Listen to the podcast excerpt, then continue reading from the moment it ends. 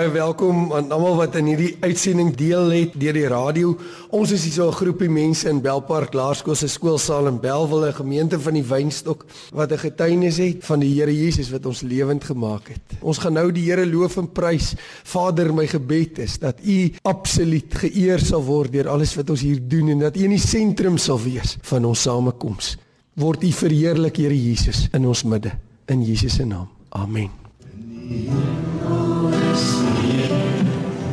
Elke knie sal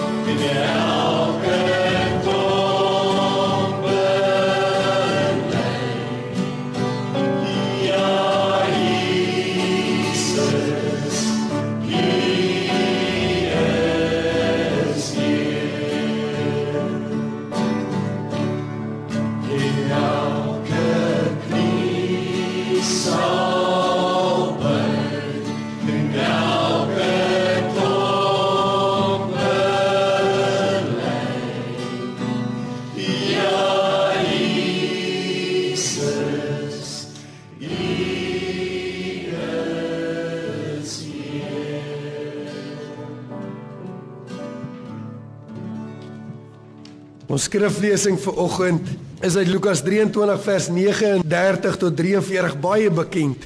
En een van die kwaadoeners wat opgehang is, het hom gesmaat en gesê: "As u die Christus is, verlos u self en ons." Maar die ander een antwoord en bestraf hom en sê: "Vrees jy ook God nie terwyl jy in dieselfde oordeel is? Ons tog regverdiglik, want ons ontvang die verdiende loon van ons dade." Maar hy het niks verkeerd gedoen nie. Hy sê vir Jesus: "Dink aan my Here wanneer U in U koninkryk kom." En Jesus antwoord hom: "Voorwaar, ek sê vir jou, vandag sal jy saam met my in die paradys wees." Ons kry hier die fokuspunt van die wêreld se geskiedenis. Die fokuspunt, die belangrikste moment in die wêreld se geskiedenis, nie net tot op daai stadium nie, maar tot vandag toe. Jesus se kruisgebeure. God wat vlees word en onder ons kom woon, maar meer is dit wat verzoening doen tussen ons en hom. Maar Jesus, die ewige hoëpriester, sondelose lam van God, bevind hom nie self in die allerheiligste, daar waar die hoëpriester alleen een keer 'n jaar mag ingaan deur bloed om verzoening te doen nie. Nee, hy mag nie daar wees nie. Hy mag ook nie in die heiligste, daar waar die ander priesters kan inkom, mag hy nie wees nie. Daar waar die koper waskomme is, Daar mag Jesus nie wees nie. Nee, Jesus mag nie wees daar waar die Joodse mans in die voorhoof saam kon vergader van die tempel nie. Hy mag nie daar sy versoeningswerk doen nie. Nee, hy mag nie eers daar wees waar die vroue toegelaat word in die tempel nie. Nee, Jesus kan ook nie net buite kan die tempelmuur wees en sy versoeningswerk daar doen nie. Hy mag nie net gewoon binne die stadsmure van Jerusalem wees nie. Nee, hy moet buite kan die laar wees. Maar nie net buite kan die laar nie. Hy moet buite kan die laar aan 'n hout hang Hoekom? Want Deuteronomium sê jy moet aan 'n hout hang om die vloek te dra. Vloek is elkeen wat aan 'n hout hang. Want as jy aan 'n hout hang, dan wil die aarde jou nie hê nie, hy spoeg jou uit en die hemel wil jou nie hê nie. Hy spoeg jou uit, jy dra die vloek. Maar Jesus moenie net aan 'n houtkruis hang buite kan die laar nie. Nee, Jesaja 53 sê hy moet tussen misdadigers gereken wees. Jy sien, hy moet tussen twee misdadigers hang. Hy moet onder dieselfde oordeel. Hierdie skrifgedeelte sê, die een man sê vir die ander een, hierdie man het dieselfde oordeel as ons. Hy moet dieselfde oordeel ontvang as die slegste misdadiger om verzoening te doen. En hierdie twee manne langs die kruis, weerskante van Jesus, kry ons die hele mensdom, want die hele mensdom word verdeel in twee. Hy word verdeel in een aan die linkerkant en een aan die regterkant. Gered en ongered en een ek is iewers in daai twee groepe vanoggend. My gebed is dat soos wat ons na hierdie skrifgedeelte kyk, dat die Gees van die Here ons sal help om Jesus Christus te sien as die gekruisigde soos wat hy daar hang. Daarom het Paulus gesê ek het my voorgenem om niks onder julle te weet as om Christus en hom as die gekruisigde nie. En kom ons vra vir die Here dat in hierdie oomblikke die Here homself sal wys as die gekruisigde en ons sal wys aan watter kant hang ek van die kruis vandag. Vader, as ons hier so voor U kom, dan het ons U nodig. Ek het U nodig, Vader. Ons kom na U toe. En ek bid dat U deur U Gees vir ons U self sal afskilder sodat ons U sal sien op die kruis vanoggend daar in hierdie skrifgedeelte. Dat ons sal sien Here Jesus, daar waar U in die hemel op die troon sit dat U U self as die gekruisigde vir ons sal openbaar. En ek bid dat U elke hart wat hierdie hoor en elke persoon wat hier so saam luister, sal aangryp en dat U deur die Gees ons gedagtes nie sal laat dwaal nie, maar dat ons Jesus sal sien. Ek bid dit in Jesus se naam. Amen. Kan ek vir 'n vraag vra? As jy sou kon kies of jy amper sou miskiet of amper sou raak skiet, wat een sou dit wees? Nee, kom ek maak dit 'n rugbybeeld. As jy sou kon kies om die bal amper oor te skop of amper mis te skop, wat een sou dit wees? As jy dit amper oorskop, dan beteken dit dis mis. As jy dit amper miskop, dan beteken dit dis oor. Wat een sou jy kies? Amper oor of amper mis? 'n baie goeie vriend van my in die hoërskool, hy was in 'n ander hoërskool as ek, maar hy was 'n baie belowende, talentvolle losskakel. Maar hulle interskole wedstryd, die laaste wedstryd van sy hoërskoolloopbaan, 2 minute voor die einde is hulle span 2 punte agter en hy's die skopper en hulle kry 'n strafskop in die kwartgebied, 'n redelike maklike skop. Hy sê vir my na die tyd, hy kan nie glo nie, hy het alles reg gedoen. Die skop was ontrent perfek, maar dit was net net mis. Die span het verbeter teruggeveg en diep in beseringstyd kry hy weer 'n strafskop op presies dieselfde plek. Die kaptein huiwer, hy sê moet moet iemand anders die skop hê. Hy sê nie hy sal die skop waarneem. Die skop is perfek. Behalwe dis asof hy deur die paal gaan en is mis, net net mis. En hulle verloor die wedstryd. Wie van julle sal onthou Steven Lakem in 1999? Hy skepskop ons is in die semifinaal Suid-Afrika teen Australië. Dit is 'n woer woer skepskop. Steven Lakem het self na die tyd gesê hy het nog nooit geskepskop in 'n wedstryd. Dit was alles was verkeerd van daai skop. Dit was woer woer. Dit was sleg, maar dit was net net hoor. En hulle het gewen. Amper hoor of amper mis. Wat eens jy kies, hier kry ons twee manne wat langs Jesus aan die kruis hang. Die ene, hy's ontrent verlore. Hy's sterwende. Hy hang aan 'n kruis. Hy's stikkend gebreek. Die lewe is besig om uit hom uit te dreineer. En in 'n oomblik gebeur daar iets en hy sien Jesus, nie 'n man wat langs hom gekruisig is nie, maar hy sien Jesus as 'n verlosser en hy word gered uit die kloue van die dood. amper verlore word hy gered. Ons kry 'n ander man. Hy hang so naby aan Jesus. Hy kan met hom praat. Hy hoor wat sy medemisdadiger aan die ander kant sê. Hy het die naaste in hierdie heelal gekom dat jy jou laaste asem uitblaas met die verlosser fisies langs jou, maar hy mis dit. Jy sien die hele mensdom hang aan die kruis langs Jesus en die kruis in die middel Jesus Christus skei die mensdom. Eendag sal alwees wat oorbly is wat het jy gemaak met die kruis in die middel? Kom ons kyk vir 'n oomblik na die eerste man. Hy hang so naby aan Jesus. Hy kan hom hoor, hy kan met hom praat, maar so naby en hy mis dit. Calvin skryf oor hierdie man. Hy sê dis 'n voorbeeld van die eyster klipharde hart van die mens. Dat jy so naby aan die dood, die dood in die gesig kan staar en nog steeds nie draai na die verlosser toe nie. Dis die verlorenheid van die klipharde hart van die mens. Wat sê hy vir Jesus? Kom ons kyk vir 'n oomblik. Wat kan ons aflei aan die een sin wat hy vir Jesus sê? Hy kyk na hom, hy sê as hy die Christus is, red homself en vir ons, vir hierdie man, gaan dit net oor een ding en dit gaan oor die lewe nou. Hy klou vas aan die lewe eerder as om voor te berei op die ewigheid. Dit is die realiteit van baie baie mense dat hy vasklou aan hierdie lewe eerder as om voor te berei vir die ewigheid. Wat is hy besig om te sê hierso? Hy's besig om met die verlosser te praat. Hy praat met Jesus. Hy bid. Hy sê as hy die seun van God is, as hy die Christus is, red hy self en vir ons. Biddende is hy verlore. Want dit gaan vir hom net oor om hom te red en aan hierdie lewe vas te klou eerder as om voor te berei vir die ewigheid. Daar's baie mense in ons land wat bid. Kom ons draai nie doekies om nie. Daar's baie baie mense wat net wil vasklou aan hierdie lewe. In ons land word daar die gedurende gebid vir reën. Ons is hier in die Kaap. Ons het reën nodig. Ons staan voor die Here. Baie baie mense bid vir reën. Die feit dat jy bid vir reën beteken nie jy's gered nie. Die feit dat jy vra vir uitkoms in 'n situasie beteken dit nie jy's gered nie. Die feit dat jy bid vir jou kos beteken nie jy's gered nie. Jy kan praat met die Here. Jy kan gedurig deur praat met die Here en dit beteken nie jy's gered nie. Dit was nie hierdie man gehelp om gered te word nie. Baie mense vra vir beter verhoudings, vir beskerming. Ja, mense bid vir gesondheid. Mense is in 'n krisis nie en hy bid, dis waar. Maar jy weet dis nie genoeg nie. Hierdie man klou vas aan die lewe. Dit gaan oor hier, dit gaan oor nou. Dit wat die lewe nou vir my kan gee. Jy sien wat by hierdie man die geval is, is daar's geen gebrokenheid oor sy sonde nie. Jy kan bid hoeveel keer jy wil, maar as dan nie 'n gebrokenheid is oor sonde nie, was jy nog nooit by die verlosser nie.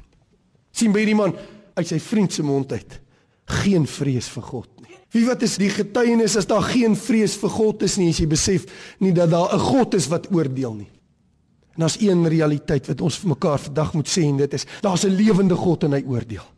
Nee, hierdie man is net soos Judas. Judas beweeg 3 jaar saam met Jesus. Hy loop naby aan Jesus.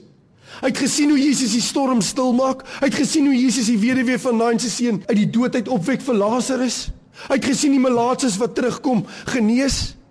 Hy het saam broodjies uitgedeel soos wat Jesus die brood vermeerder het. Hy self ook opgewonde geraak oor die brood wat vermeerder is, maar hy's verlore. Hy het hoeveel keer met Jesus gepraat, maar hy's verlore want vir Judas het dit gegaan oor die voordele en die posisie wat hy kan kry hier eerder as om voor die lewende God te buig.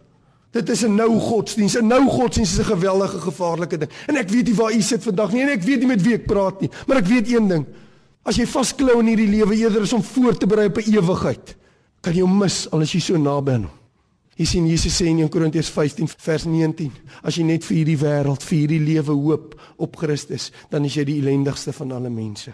Die ouer broer van die verlore seun was dieselfde. Hy was in en uit by die vader se huis. Hy het hoeveel keer met die vader gepraat. Hy het hoeveel keer met hom gesels en was hy verlore? Ja.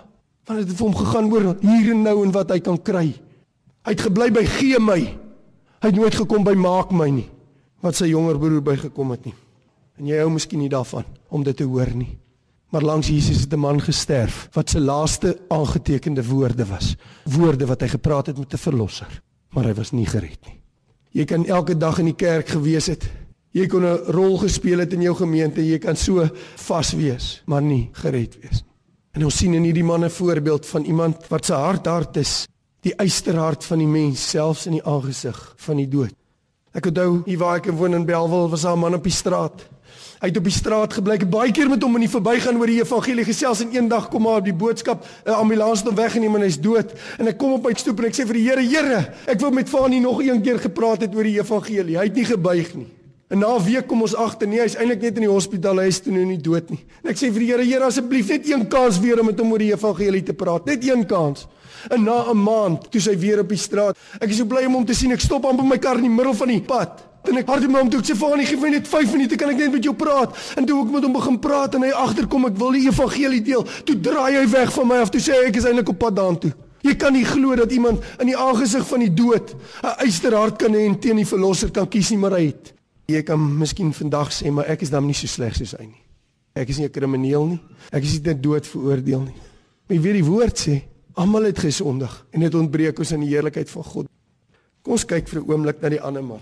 Ons kyk dan wat Matteus sê van die ander man wat saam met Jesus hang. Weet jy wat sê Matteus? Hy het saam met die ander ene Jesus gesmaat. Hy het saam hom beledig, hy het saam hom uitgetart tot in 'n oomblik toe gebeur daar iets. Iets het verander in hierdie man se lewe. En ons kan stukkie vir stukkie uit sy woorde uitkyk. Wat was dit wat verander het? Daar het iewers 'n gebrokenheid ingekom. Iewers het hy die heiland gesien vir wie hy was. Nie net 'n man wat langs hom sterf nie, nie net 'n mens nie, maar die God wat 'n mens geword het om ons verlosser te wees. En omdat hy Jesus gesien het vir wie hy was, toe sien hy homself vir wie hy was, want die beste spieël waarin jy jouself kan sien, is om na die verlosser te kyk en na die kruis. En die eerste ding wat ons sien wat by hierdie man gebeur het, hy was ook net besorg oor sy eie lewe. Hy het ook saam, sê Matteus gesê, red vir ons man. Neem ons onder toe, laat ons bietjie verder kan leef. Maar toe sien hy die verlosser. En weet jy wat gebeur die eerste ding wat kom? Is hy sê vir die ander man vrees jy nie God nie. Wat beteken die vrees van die Here het sy hart geraak? Hy het by 'n moment gekom wat hy besef het, hierdie straf wat hy hier kry en die lyding wat hy nou verduur, is nie 'n fraksie van dit wat hy gaan deurmaak as hy voor die oordeel van die lewende God eendag moet staan hierna nie. En die vrees van God het hom gegryp. Die tweede is omdat hy die verlosser gesien het vir wie hy was, toe erken hy ek en jy hang hier as die verdiende loon vir ons sondes. Dis 'n geweldige ding wanneer iemand agterkom dat my situasie is die verdiende loon van my sondes. Vir 'n oomblik raak alles vir hom vaag en hy erken skuld. Hy sê dit wat hier gebeur met my is my verdiende loon. Weet jy wat sê hy daarin? Dat as hy hier sterf in sy eie sonde en hy sal voor die lewende God staan, sal hy net een ding kan sê en dit is: As U my oordeel op grond van my lewe hier, dan is U waardig om te ontvang al die lof en al die eer al gaan ek hel toe want ek verdien dit. Hierdie man raak die voorbeeld van ware bekering. En ware bekering begin by die vrees van die Here, erkenning van die oordeel van God en dat ek staan skuldig voor hom en ek verdien dit. En dan draai hy na Jesus en hy sien die onskuld van die verlosser. En hy besef langs hom hang nie net 'n mens nie, langs hom hang 'n verlosser wat onskuldig is.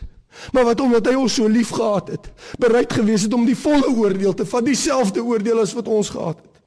Hy sien hom vlekkeloos, hy sien hom onskuldig en hy draai na Jesus toe. Op hierdie oomblik het die aarde en alles wat die aarde doen, niks meer vir hom om te bied nie. En hy sê: "Here, weet jy wat sê hy in daai woordjie Here? Hy sê ek besef u is nie 'n mens nie. Hy sien nie Jesus hier as die man wat langs hom struggle wat dieselfde straf kry nou net besig is om te sterf as 'n mens nie. Hy sien Jesus as die Here. Hy kyk verby die lyding. Hy besef hier hang een wat onskuldig is, die enigste onskuldige mens wat hy ooit gesien het hang langs hom. En hy sê Here, dink aan my wanneer jy in die koninkryk kom, want vir geen oomblik dink hy die dood kan hierdie onskuldige man hou nie. Hy sien Jesus as die een wat die dood sal oorwin, die een wat in sy koninkryk verseker sal ingaan. En daarom sê hy dink aan my Here. Hy sien Jesus in 'n nuwe dag waar hy is die koning van die konings op die troon sit. En hy sit sy volle vertroue in die Here Jesus in. Ek wil vir u vra vanoggend, hoe sien u Jesus aan die kruis? Sien jy hom as 'n historiese Jesus wat gekruisig is en jy weet dit of sien jy die verlosser? sien jy hom as die koning van die konings? sien jy hom as jou beminde en jou vriend? sê Hooglied. Hy sê dit is my beminde en dit is my vriend. sien jy hom as die skoonste van 10000? As uitnemender as 10000. sien jy hom as die geheel en al die lieflikheid self wat die lam is wat in jou plek gesterf het? Wat hierdie man aan die kruis sien. Hy sien wat die ander man aan die ander kant van die kruis nie sien nie. Hy sien wat die fariseërs en die skrifgeleerdes onder nie sien nie, wat Jesus se volgelinge selfs nie onder sien nie. Hy sien wat die Romeinse soldate nie sien wat hom gekruisig het nie. Hy sien die heerlikheid van die Here. Hy sien 'n verlosser wat die prys betaal het. Elke een, maak nie saak hoeveel keer jy al met hom gepraat het nie, as jy hom nog nie gesien het in sy heerlikheid, as die verlosser, as die koning van die konings, nie as jy verlore. Kom ons kyk na Jesus. Jesus kyk na hierdie man. En die man sê dink aan my. Hy kan amper nie dink dat op hierdie laat stadium die verlosser hom genadig kan wees nie, maar die Here is. En wie wat sê die Here vir hom? Kom ek lees vir jou wat eintlik daar staan in die Grieks. Jesus sê vir hom die volgende: Amen, ek sê vir jou. Amen, ek sê vir jou vandag sê jy saam my wees die woord vir voorwaar is die Griekse woord amen. Jesus sê amen. Vandag sê jy saam in die koninkryk wees. Weet jy wat beteken dit vir ons? Kom ek sê vir wat as Jesus gesterf het toevallig? Wat as dit nie sy plan was om te sterf vir die wêreld? Het jy al daaroor gedink? Sê nou dinge het net verkeerd gedoen en hy het net daar gesterf. Sou hy 'n verlosser kon wees? Nee. Die feit dat Jesus hier uitroep amen, sê amen, my plan is op datum. Amen, dis hoekom ek gesterf het. Ek het aarde toe gekom om te sterf. Jesus sê amen, ek het gekom om te soek en te red wie verlore is vir jou. Dis Jesus se reddingsverklaring. Weet jy dit gaan verder? Jesus is teen teen besig om Hebreëse of Aramees te praat met hierdie man wat langs hom hang. Die woord amen se stam in die Hebreëse taal is dieselfde stam as die woord geloof. So wat Jesus hier uitroep, is hy sê amen. Dit is reddende geloof. Reddende geloof sit sy vertroue in my verlossingswerk. Dit is reddende geloof. En dis wat Jesus hierso sê. En kinders, ek wil vir jou dit vra. Jy kan saam groot word met die Here. Jy kan die Here Jesus ken in jou huis en jy kan dit sien. Maar as daar nie 'n dag kom in jou lewe waar jy nie voor die Here lewende God staan en sê ek beroep my op die verlossingswerk van my verlosser vir my nie, dan is jy verlore. Jesus sê vir iemand, "Amen. Dit is reddende geloof." Jesus sê vir hom vandag, sê jy saam met my in die koninkryk wees. Vandag Jy sien, jy hoef nie dag en 'n datum teen jy moet 'n getuienis hê, maar almal word gered in die vandag van Jesus. Daar's by almal 'n dag waar ek sê ek volledig die getuienis het dat ek my vertroue geplaas het in 'n Here, in 'n verlosser, want ek kom myself hier red nie. As jy vandag is die dag van redding, vandag is die dag van heil. Ek weet nie waar jy staan nie, Gert. Ek weet nie die druk, maar ek weet die vandag sê die Here vir jou vandag wanneer jy die woord van die Here hoor, moenie jou hart verhard nie. Here is besig om met jou te praat vandag van hierdie woord van die Here hoor moenie jou hart vaart nie. Kom na hom toe. Moenie uitstel nie. Hoe langer jy uitstel, hoe harder raak jou hart. Daar's 'n Skotsman wat gesê het, repentance is a flower that rarely grows on the deathbed. Dieselfde man het gesê, ja, die Here Jesus het hierdie man op die laaste gered, but he only saved the one. Hy het net die een gered. Hoe langer jy uitstel, hoe harder raak jou hart.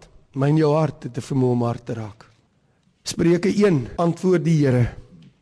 En Spreuke 1 sê die Here eintlik wat doen hy hoe voel hy teenoor ouens wat gedurig gedurig uitstel en sê nee ek wil nie. Die Here is aan die woord in Spreuke 1 as hy sê omdat ek geroep het en jy geweier het, ek my hand uitgesteek het en jy nie geluister het nie. Dan sal hulle roep en ek nie antwoord nie. Hulle sal my soek maar my nie vind nie omdat hulle die kennis gehad het en die vrees van die Here nie verkies het nie. Dis 'n ernstige saak. Ons sien in Jesus se reddingsverklaring sien ons die hart van die Vader. En ons gaan nou afsluit met die hart van die Vader. Ons sien absoluut Jesus wat uitroep amen, ek het gekom. Dit is hoekom ek gesterf het om jou te red.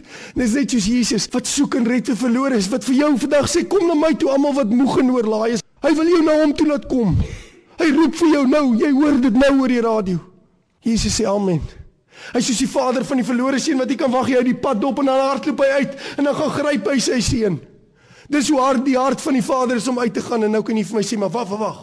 Maar soos wat party mense sê nee Here het net gesterf vir party mense. Wat dan van die ander ou? Onthou jy die vader van die verlore seun het uitgegaan na die ouer broer toe ook.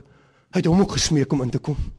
Die hart van die vader is dat niemand verlore gaan as jy Timoteus.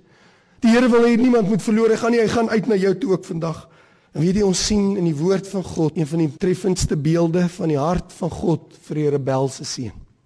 Die ander man, die ene wat naby gekom het en nie gered is nie. Wie wat is die hart van God vir hom? Jesus hang as die seun van Dawid ook daarin. Dan kom Dawid en sy liefdeseun Absalom vir wie hy lief is, rebelleer teen hom tot by die punt vir dood. Waar hy nie voor die koning Dawid sal buig nie, net soos wat hierdie man langs Jesus hang en hy weier om te buig. En dan kom daar 'n skermutseling en dan word Absalom doodgemaak. En dan is hulle bang om vir Dawid te sê want hulle weet Dawid was geweldig lief vir hom. En dan kom sê hulle dit vir Dawid en dan sê hulle die, die gange van die paleis en die deure het weer galm met die volgende geroep van Dawid: My seun, my seun Absalom, my seun, as ek maar aan jou plek kon sterf. En terwyl Jesus daar hang, toe kyk hy na die ander man en hy sê: My seun, my seun, jy was 'n rebelleer. As jy maar my sterwe vir jou sou vat vir jou, as ek maar in jou plek kon sterf. Dis die hart van die Here vir jou moet nooit kom met mense wat sê 'n God van liefde sal mense nooit hel toe stuur nie want sy hart was my seun my seun. As ek maar aan jou plek kon sterf. Sy hart en sy verlange was dat jy sy verlossing sou neem. Dit is die liefde van God en dit is sy hart. 'n tyd gelede moet ek 'n begrafnis hou die man was tyd lank siek hier oor die Desember het ons saam gaan bid vir hom hy's dood maar hy het kans gehad om reg te maak met die Here was 'n goeie man hy was 'n goeie man sy lewe lank Maar hy in daai laaste tye van sy lewe het hy reggemaak met die Here. Die Here het in hom gewerk. 2 Korintiërs 5 vers 17 was vir hom so kosbaar. Hy wat in Christus is, is 'n nuwe skepsel. Die ou is verby, dit het alles nuut geword. Ek ken nie skrif.